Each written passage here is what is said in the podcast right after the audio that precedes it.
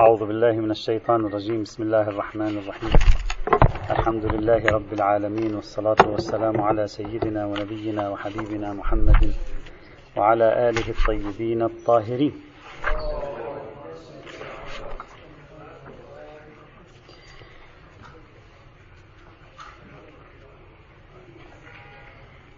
كان كلامنا في العلامات العامة.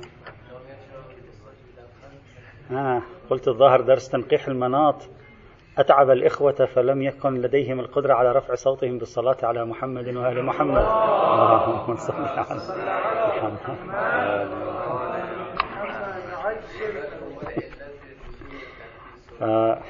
كان كلامنا في العلامات العامة في باب الطيور. قلنا العلامات العامة أربعة ذكرنا ثلاثة منها ووصلنا إلى الرابع وهو القانصة والحوصلة والصيصية. قلنا لابد في البداية من أن نحلل الروايات تحليلا تفكيكيا تجزئيا ثم بعد ذلك نجلس آه، جلسة مع مجموع الروايات لنرى ما الذي يمكن أن نستخرجه. بدأنا بتحليل الروايات رواية رواية. تكلمنا عن مرسل الشيخ الصدوق عن صحيحة سماعة ابن مهران. تكلمنا عن خبر ابن بكير. تكلمنا عن صحيحة عبد الله بن سنان. وذكرنا أخيرا خبر زرارة أيضا الصحيح على المشهور أيضا وتوصلنا حتى الآن إلى أن في الروايات ثمة غرابة. بعض الروايات تفصل بين طير البحر وطير البر. بعض الروايات تذكر القانصة لا تذكر غيرها. بعض الروايات تذكر شيئا مع شيء آخر. ذكرنا هذه بدأت تلوح في الأفق اختلافات في طرائق بيان الروايات. بعض الروايات تجعل الحوصلة والقانصة علامات حال الجهل بالطيران. بعض الروايات لا تشير إلى حالة الجهل بالمرة تجعلها مباشرة علامة الحلية مثلا وهكذا. ما زلنا في إطار استكمال الروايات وبعد أن نستكملها رواية رواية نقوم بعملية التقويم المجموعي للروايات كما هي القاعدة التي نتبعها عادة. الرواية السادسة خبر مسعدة بن صدقة. عن أبي عبد الله عليه السلام قال كل من الطير ما كانت له قانصة ولا مخلب له. كل ما كانت له قانصة ولا مخلب له. قال وسألته وفي نسخة وسئل قال وسألته عن طير الماء فقال مثل ذلك. هذا الخبر يجيز أكل ما له قانصة ولا يكون له مخلب. في حين كل الروايات الموجودة في الباب تقريبا لا تشير إلى ضم عدم المخلبية إلى القانصة وإنما تقول إذا كان له قانصة فهو حلال. ولا تشير إلى أنه إلى جانب كونه له قانصة لا بد أن يكون لا مخلب له. فهذا هذا الخبر تقريبا من الأخبار القليلة في الباب التي تجمع في مكان واحد وهي تبين معيارية القانصة تجمع ما بين وجود القانصة ونفي المخلبية. وإلا سائر الروايات تقول إذا فيه قانصة خلاص فهو حلال. وأيضا هذا الحديث يميز بحسب ظاهره بين طير البر وطير الماء لأنه واضح.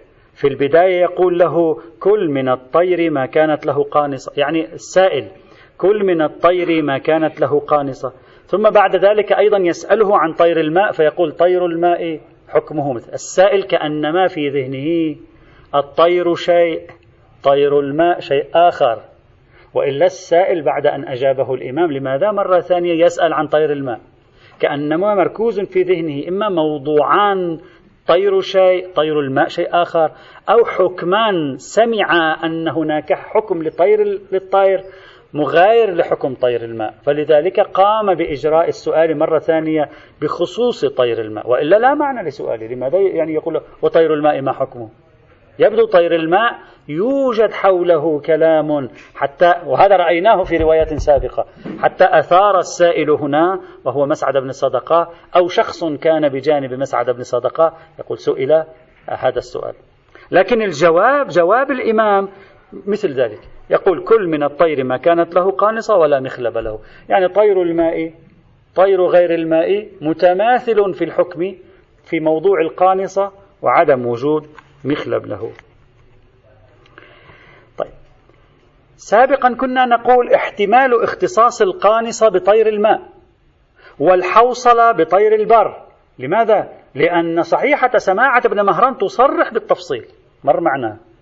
صحيحة سماع بن مهران. تجعل طير البار معياره الحوصلة. تجعل طير الماء معياره القانصة. هذا كنا نراه سابقا. هنا لا نجد شيئا من ذلك. هنا بالعكس. المعيار هو القانصة.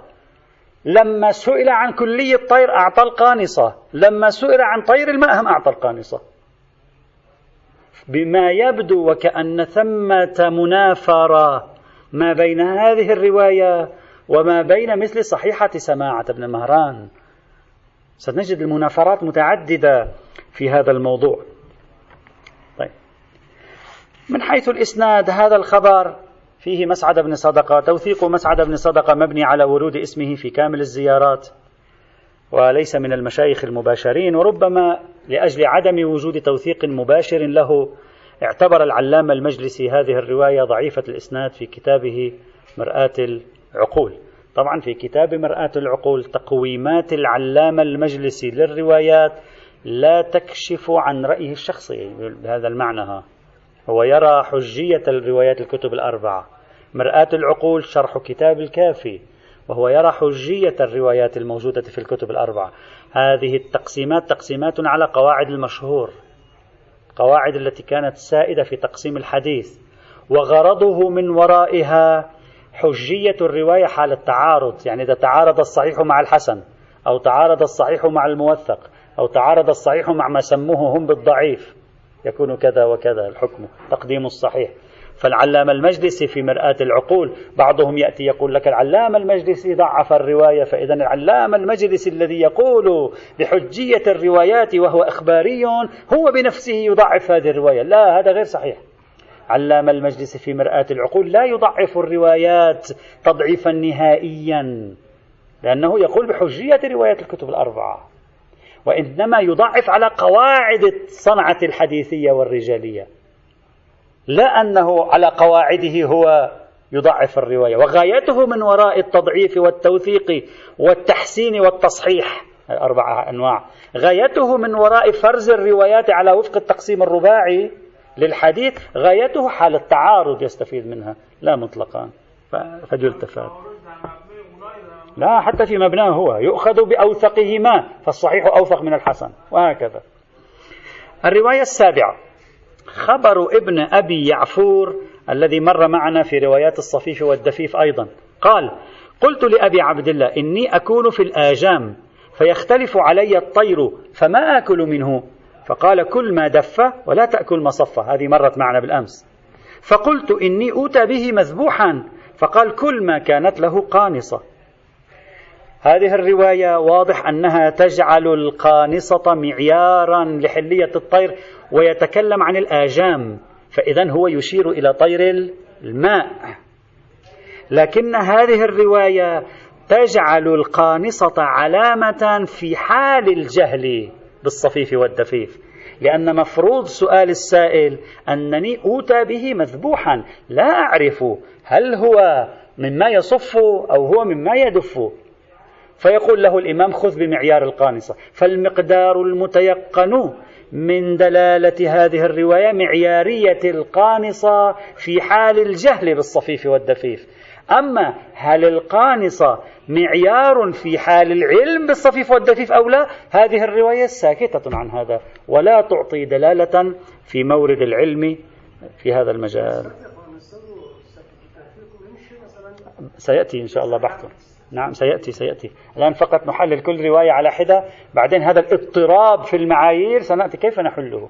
واحد يقول قانصة واحد قانصة وحوصلة واحد قانصة وحوصلة وصيصية واحد صيصية واحد حوصلة وصيصية واحد صفيف. وإذا ما في صفيف تعرف القانصة من القانصة. واحد للطير حوصلة في البر.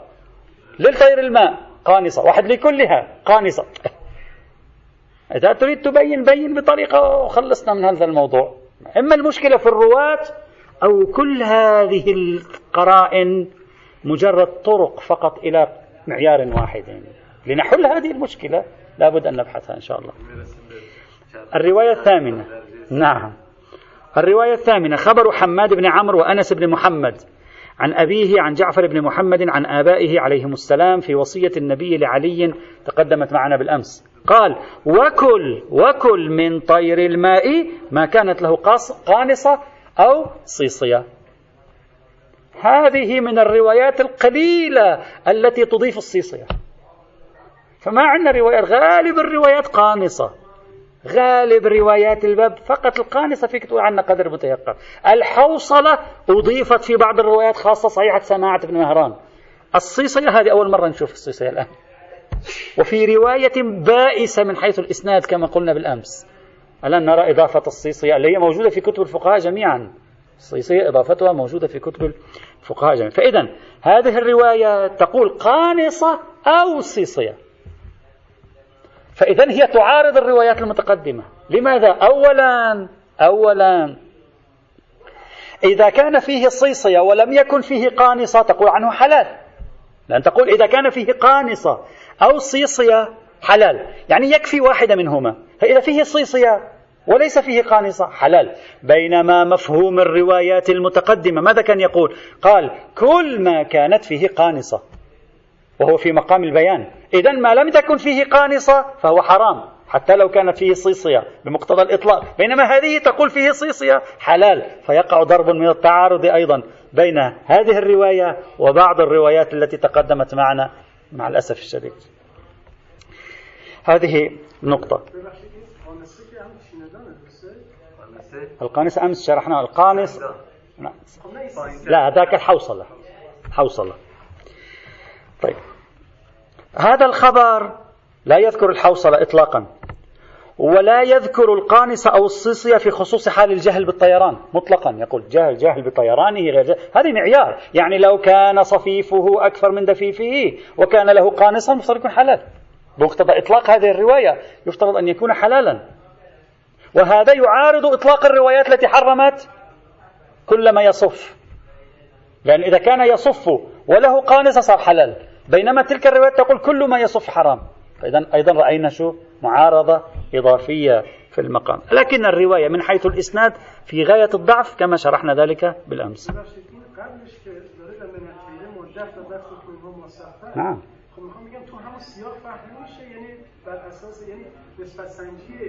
یک روایته خب. میگم که تعارض خیلی براش حاصل نمیشه. خب. بین مادفع و مصفر و مثلا هو يقول كل ما دفع بالعكس هذا هذا يزيد التعارض داخل الرواية.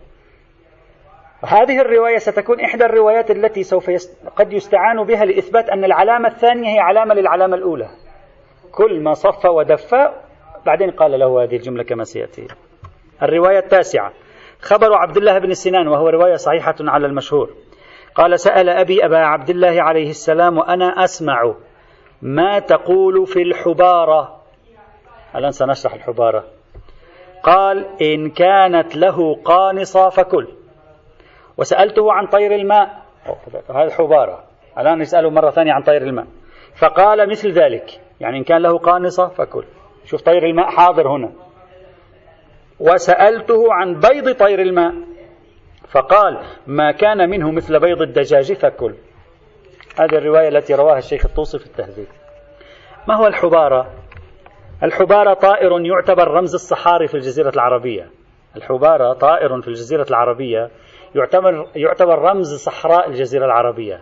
يعني كيف بعض الطيور أو بعض الحيوانات تعتبر رمز بعض البلدان طائر الحبارة يعتبر رمز من رموز صحراء الجزيرة العربية. ويتواجد هذا الطير ليس فقط في الجزيرة العربية يتواجد في جنوب آسيا يتواجد في معظم بلاد إفريقيا يتواجد في قسم من أوروبا الغربية أيضا. هذا الحيوان لا يحتاج إلى الماء لكنه يتردد في الليل على الماء.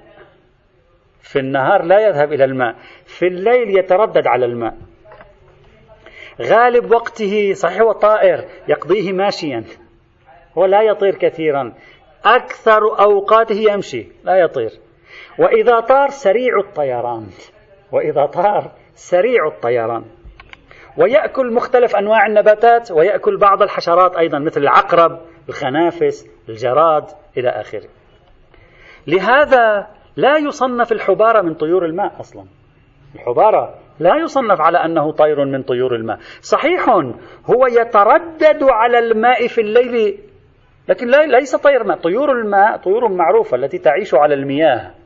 لكن هو أصلا بطبيعته ليس من الطيور التي آه، تطير على شطوط البحار أو على الأنهار وما شابه ذلك. فلا, فلا يصنف في العادة أنه طير مائي بل هو طير صحراوي أصلا. هو في الحقيقة طير صحراوي ليس طيرا مائيا. الطيور تختلف. في طيور تعرف في الغابات. في طيور تكون على الشطوط طيور الماء. هناك طيور تكون في الصحاري. يختلف الأمر. طيور جبلية طيور غير جبلية. هذا طير الحبارة من الناحية التصنيفية ليس طير ماء أصلا.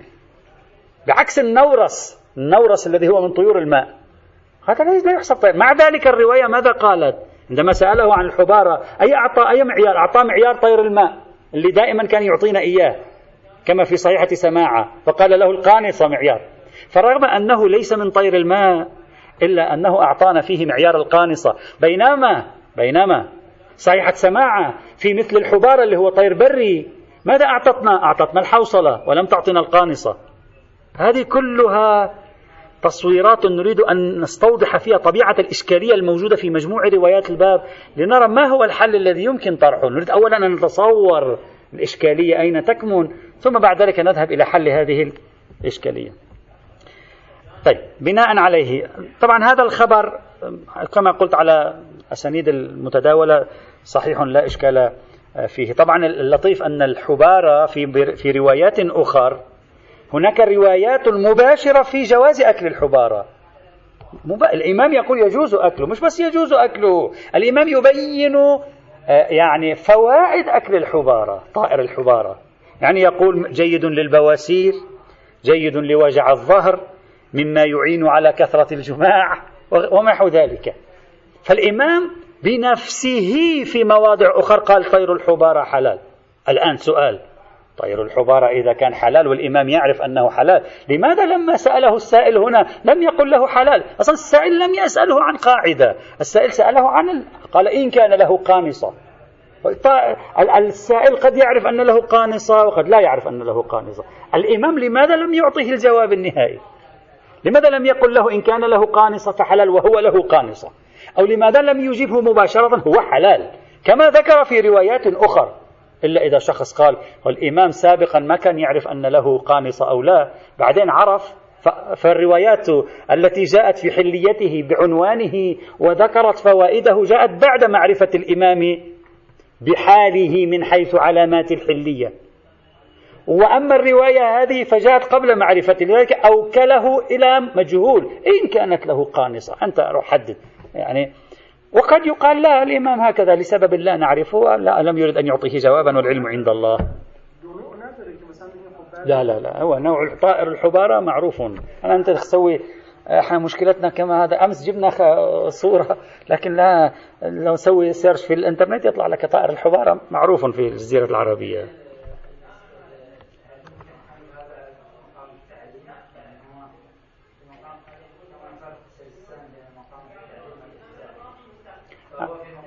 ممكن ممكن لكنني لا أؤمن بالتفريق.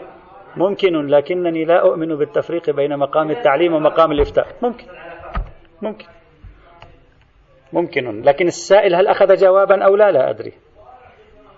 عاشرا الرواية العاشرة.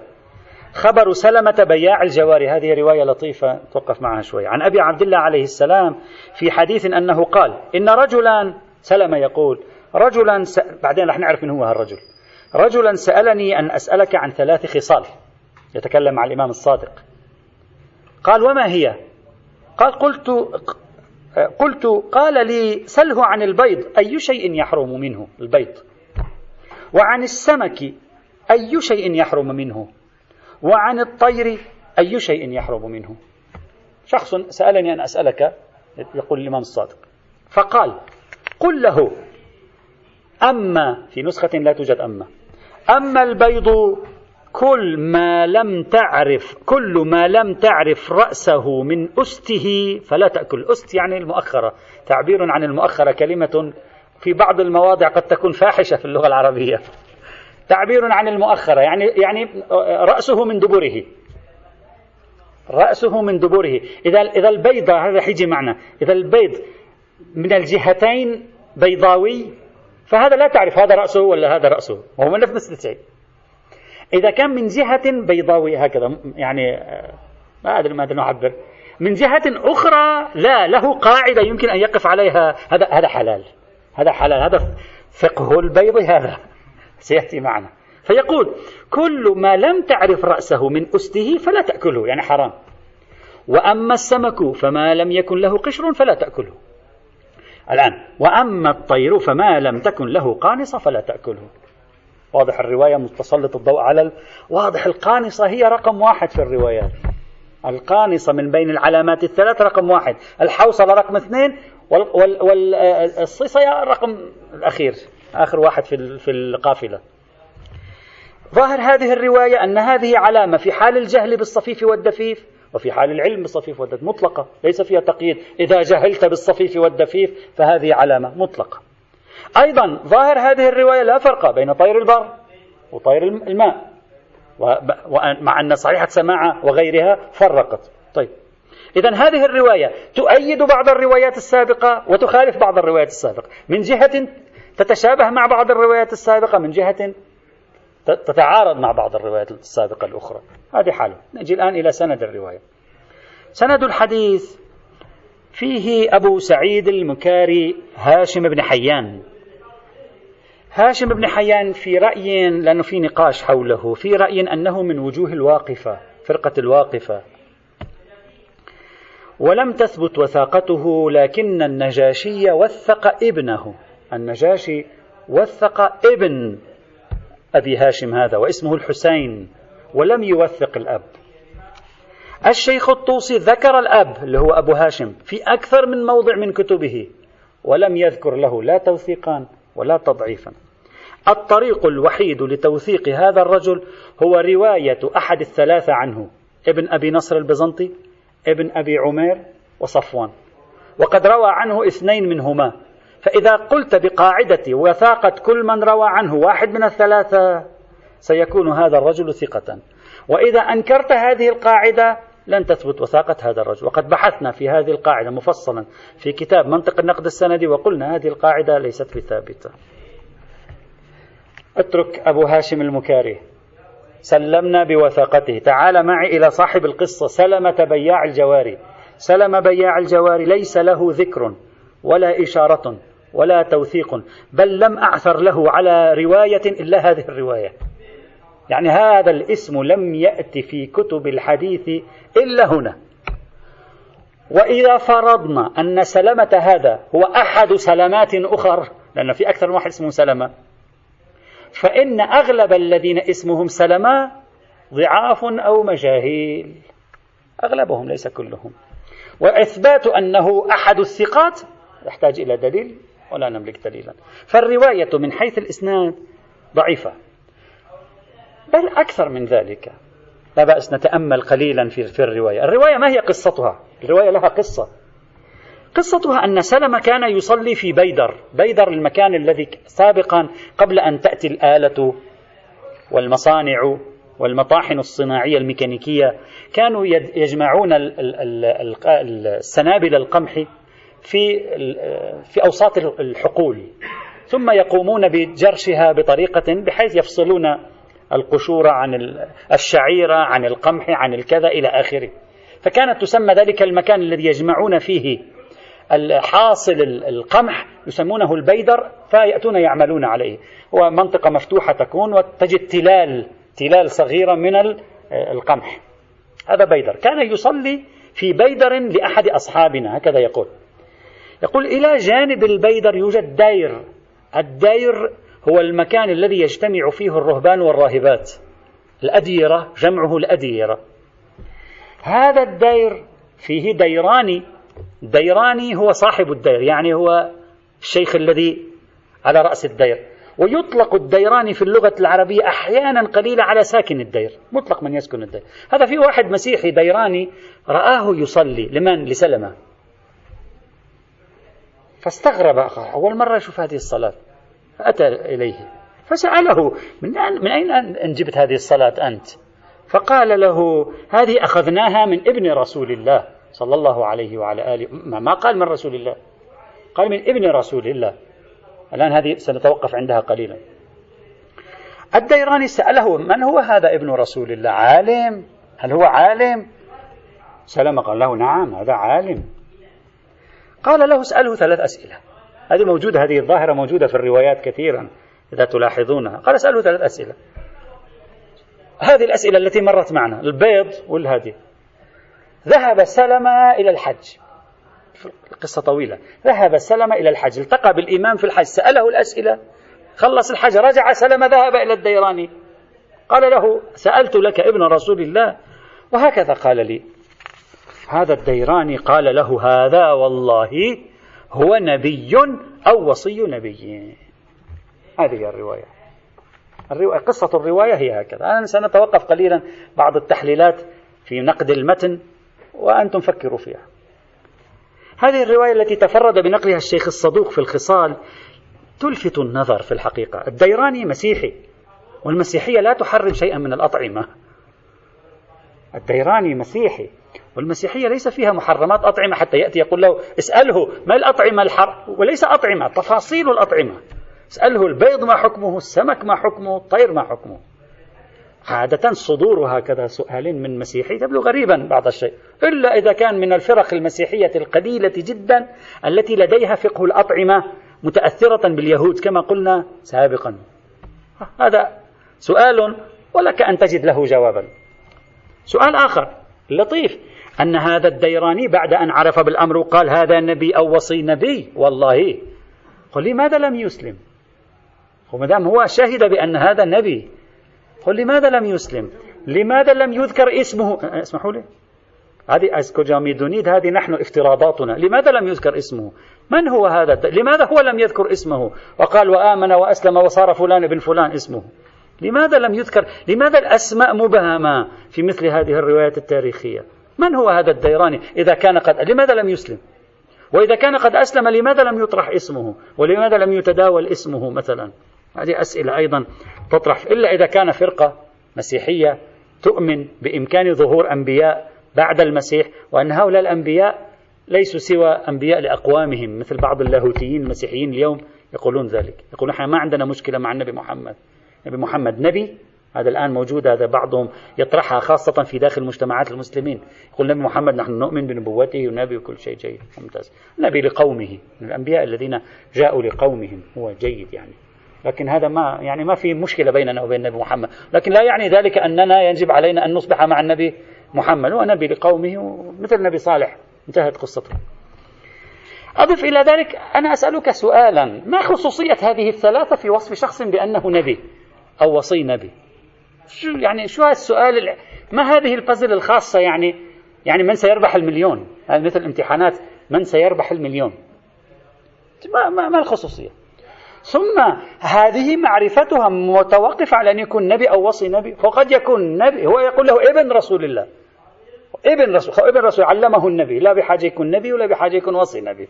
ثم هو المسلمون يعرفون يعني لا أدري إذا هذا الديراني اليوم عايش حي. وجاء سلمة وسألني أنا لا نبي ولا وصي نبي ولا أصل إلى تابع لنبي يمكن ما يصدق علينا. وسأقول له الحكم لماذا ينبغي أن يقفز الديراني من السؤال من هذا الجواب إلى مفهوم النبوة أو الوصية؟ لا أدري. يعني يثير استفهام. ليس سؤالا غيبيا هذا سؤال فقهي. هذا السيناريو هذا النوع من سيناريو الروايات أنا في العادة أضع عليه علامة استفهام خاصة إذا كان ضعيفا من حيث الإسناد لأنه يبدو غير منطقي. السيناريو وقائعه تبدو غير منطقية. لا أقل في بعض أجزائه فإذا كان الخبر ضعيف الإسناد جدا وسلم كان شخص لا نعرف من هو. هذا يزيد من احتمال أنها رواية مختلقة. اخترع لها اسم شخص اسمه سلمة بياع الجواري. وأريد من خلالها إيصال رسالة متصلة بموضوع ما ربما يكون موضوعا مذهبيا. على أي حال لا أدري أيضا عندما رأى الصلاة تعجب هذا الديراني. قال أول مرة أنا هذه أرى هذه الصلاة. فماذا يقصد؟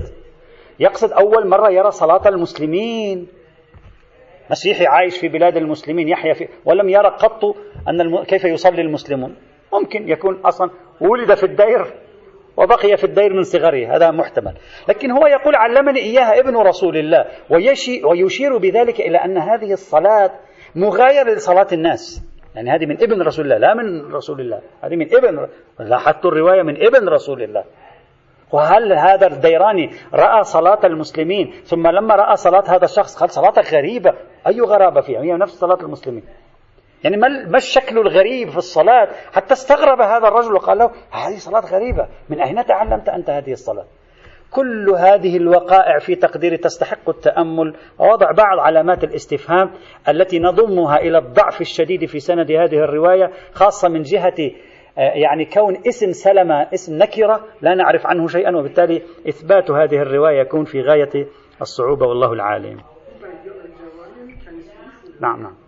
الرواية الحادية عشر خبر دعائم الإسلام عن الصادق عليه السلام أنه ذكر ما يحل أكله وما يحرم بقول مجمل. فقال أما ما يحل أكله للإنسان إلى أن قال وأما ما يحل من أكل لحوم الحيوان فلحوم البقر والإبل والغنم ومن لحوم الوحش كل ما ليس له ناب ولا مخلب ومن لحوم الطير كل ما كانت له قانصة ومن صيد البحر كذا وكذا. هذه الرواية صار واضح مدلولها. ونسبتها إلى الروايات السابقة ومن حيث الإسناد مرسلة ليس لها سند لأنها وردت في كتاب دعائم الإسلام.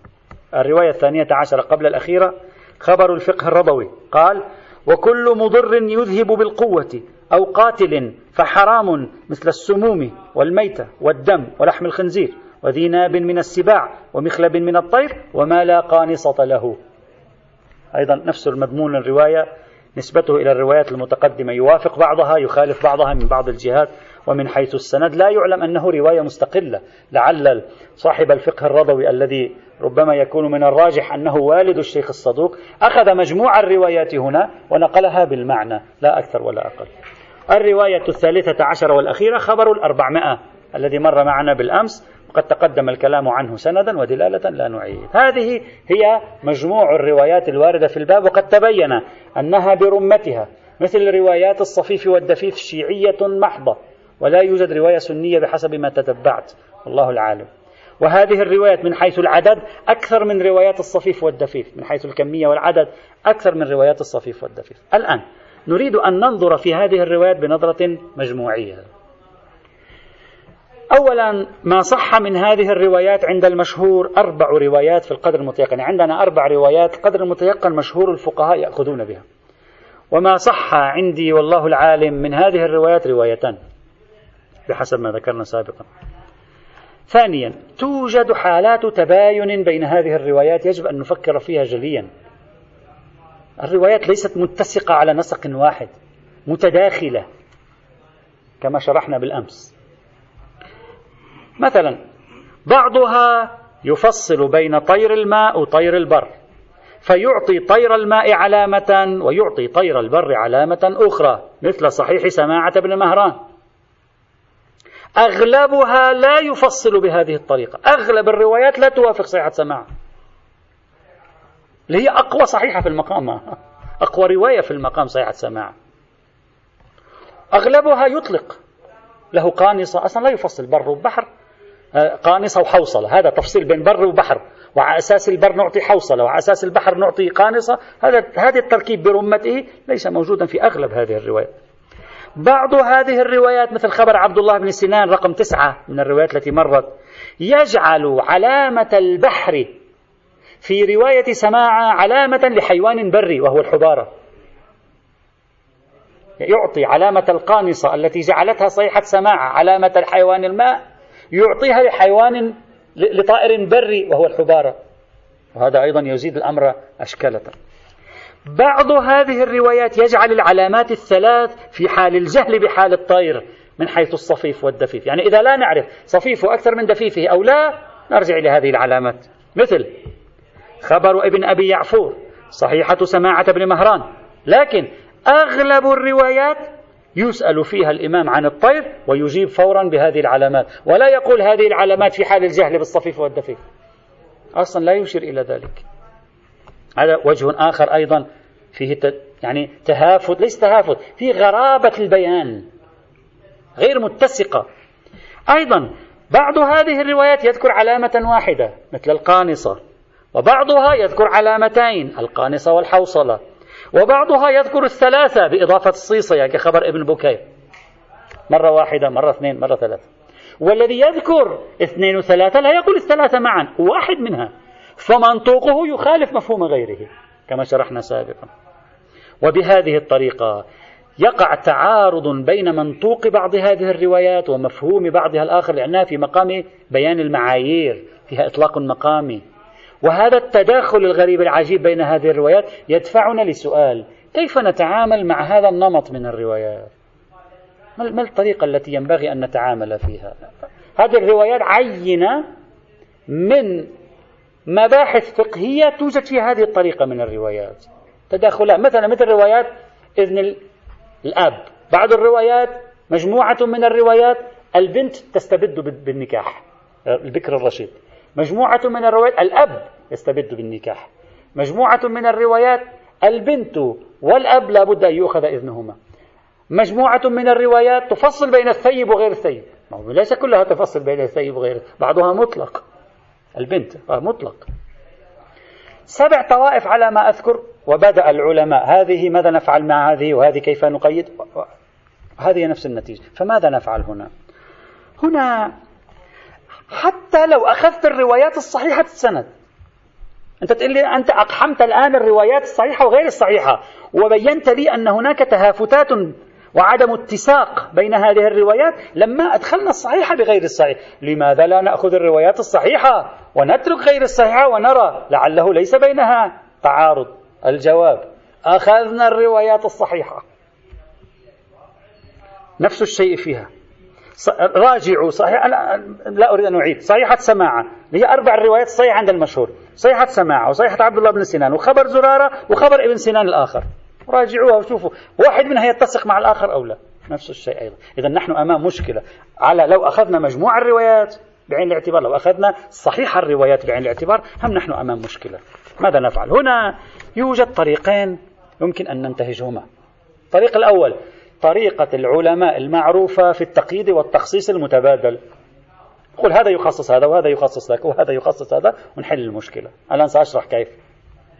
مثلا نقول الروايات المطلقة من حيث نوعية طير أنه مائي أو ليس بمائي نقيدها بالروايات التي ذكرت التفصيل بين الماء وغيره. وفي عندنا روايات لم لم تقيد بالماء وبال وبالبر. هذه نقيدها بما دل على التفصيل في البر وال والبحر. نعم نقيد. هذا واحد. أيضا حال الجهل بالطيران. بعض الروايات ليس فيها تقييد بحال الجهل بالطيران أنها صفيفة. بعض الروايات لا. هذه العلامات حال الجهل بالطيران. الروايات المطلقة. نقيدها بالروايات المقيدة. فنقول هذه العلامات حال الجهل بالطيران. هذا تقييد ثاني. طبعا ليس الرواية تقيد. أنا أقيد تلك الرواية وهي أيضا تقيدني يعني في تعامل آه، متبادل. لأنك ما عندك أنت روايات تقيد وروايات مطلقة. لا هذه تقيد هذه من جهة وهذه أن تقيد هذه من جهة ثانية. نعمل هذه الطريقة. بعد أكثر. من حيث عدد العلامات بعضها قالت قانصة بعضها قانصة وصيصية بعضها قانصة وحوصلة بعضها قانصة وصيصية وحوصلة أيضا كل واحدة نقيدها بالثاني حتى نجمع القدر المتيقن منها. هكذا ينبغي أن نفعل إذا أخذنا بالطريقة وستكون النتيجة لو تأملتم تقريبا لصالح خبر سماعة لأنه أكثر الأخبار تقييدا في الباب. تقريبا لا أقول هو تقريبا. ستختص القانصة بطير الماء وتختص الحوصلة بطير البر. وتختص العلامات بحال الجهل بالطيران. لكن مع ذلك خبر سماع لن يحسم المشكلة ستبقى هناك معارضات. أيضا لا بد لنا أن نقيد أيضا في خبر سماع مرة جديدة. هذه طريقة. الآن بإمكانك أنت تقول أنا أقيد بهذه الطريقة. الطريقة الثانية أن نقول هذا المنهج غير عرفي. صحيح في الحوزة أحيانا يعتبرون هذه التقييدات تفنن وقوة ودقة في عملية ربط النسب وهو كذلك فيه فيه ظرافة لكن قد شخص يقول في المقابل هذه الطريقة أنا لا أسلك هذه لا عرف ولا من لا من يحزنون.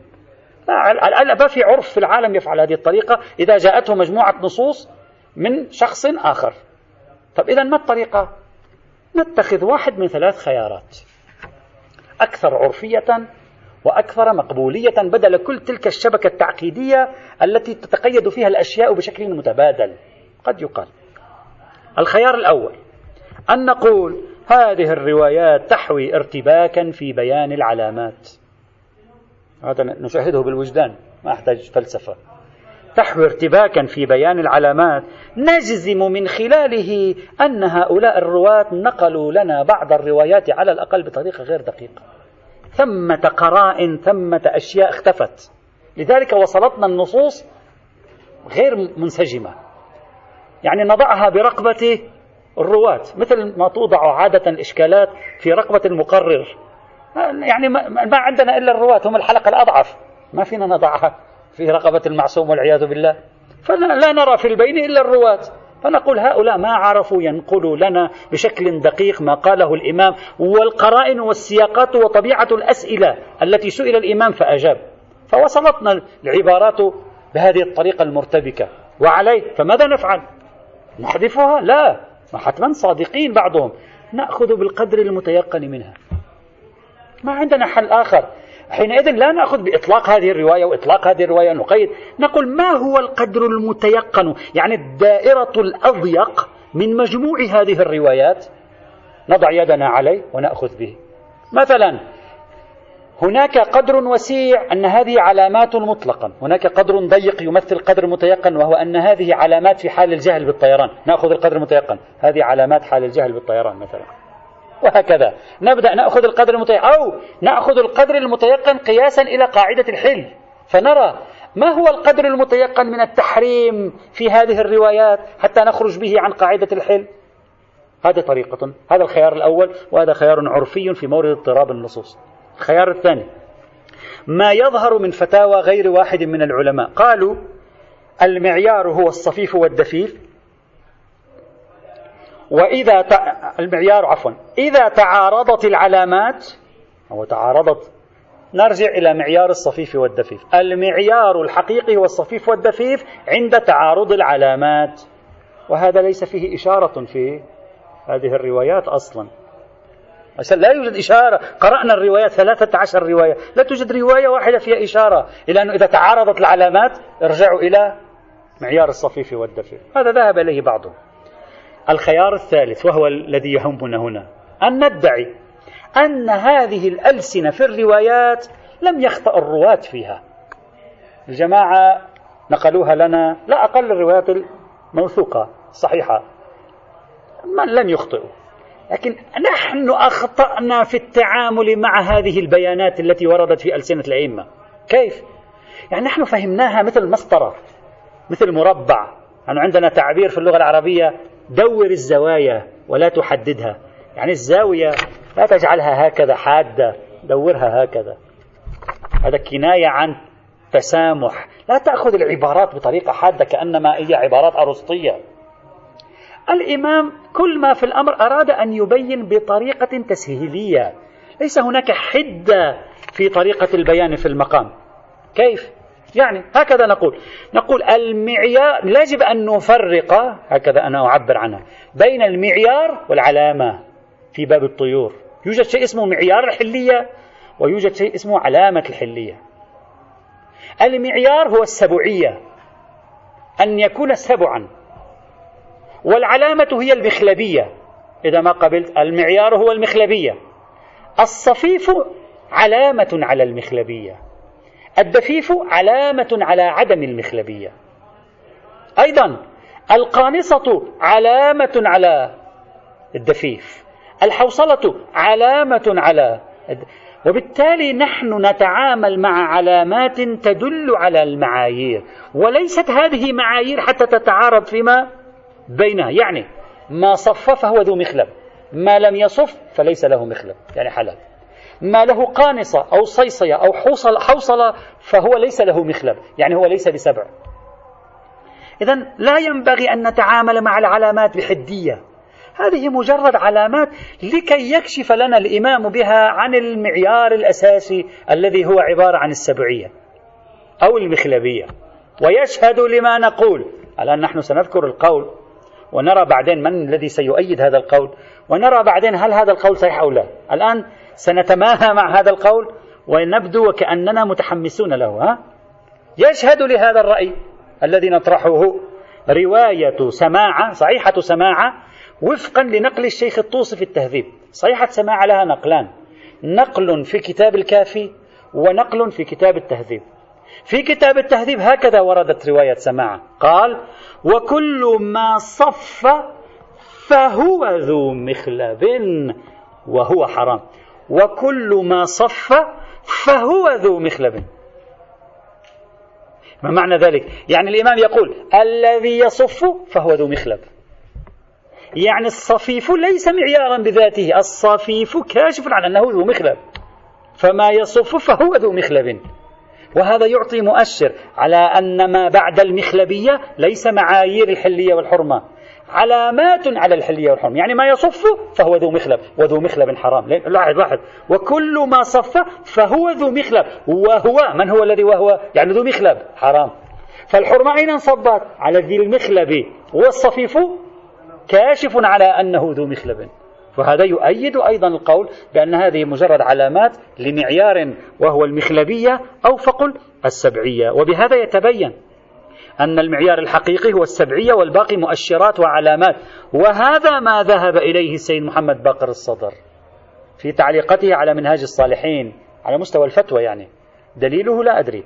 وهذا ما ذهب إليه سحان باقر الصدر على مستوى التعليق على منهاج الصالحين وذهب إليه أيضا السيد محمود الهاشمي الشهرودي في منهاج الصالحين ويظهر من السيد السيستاني أيضا في منهاج الصالحين أنه يعتبر العلامات الثلاث علامات في حال عدم العلم بحال الطير من حيث الصفيف والدفيف وليست علامات مستقلة.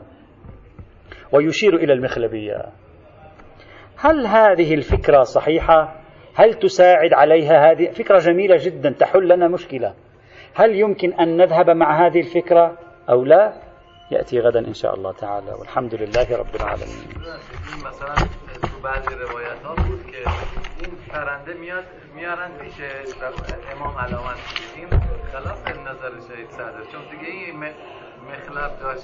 داشتن هذا سنذكره. سنقول أصلا عندما يأتوه لماذا يقول قانصة وفليقل مخلب انظر إلى مخلبي.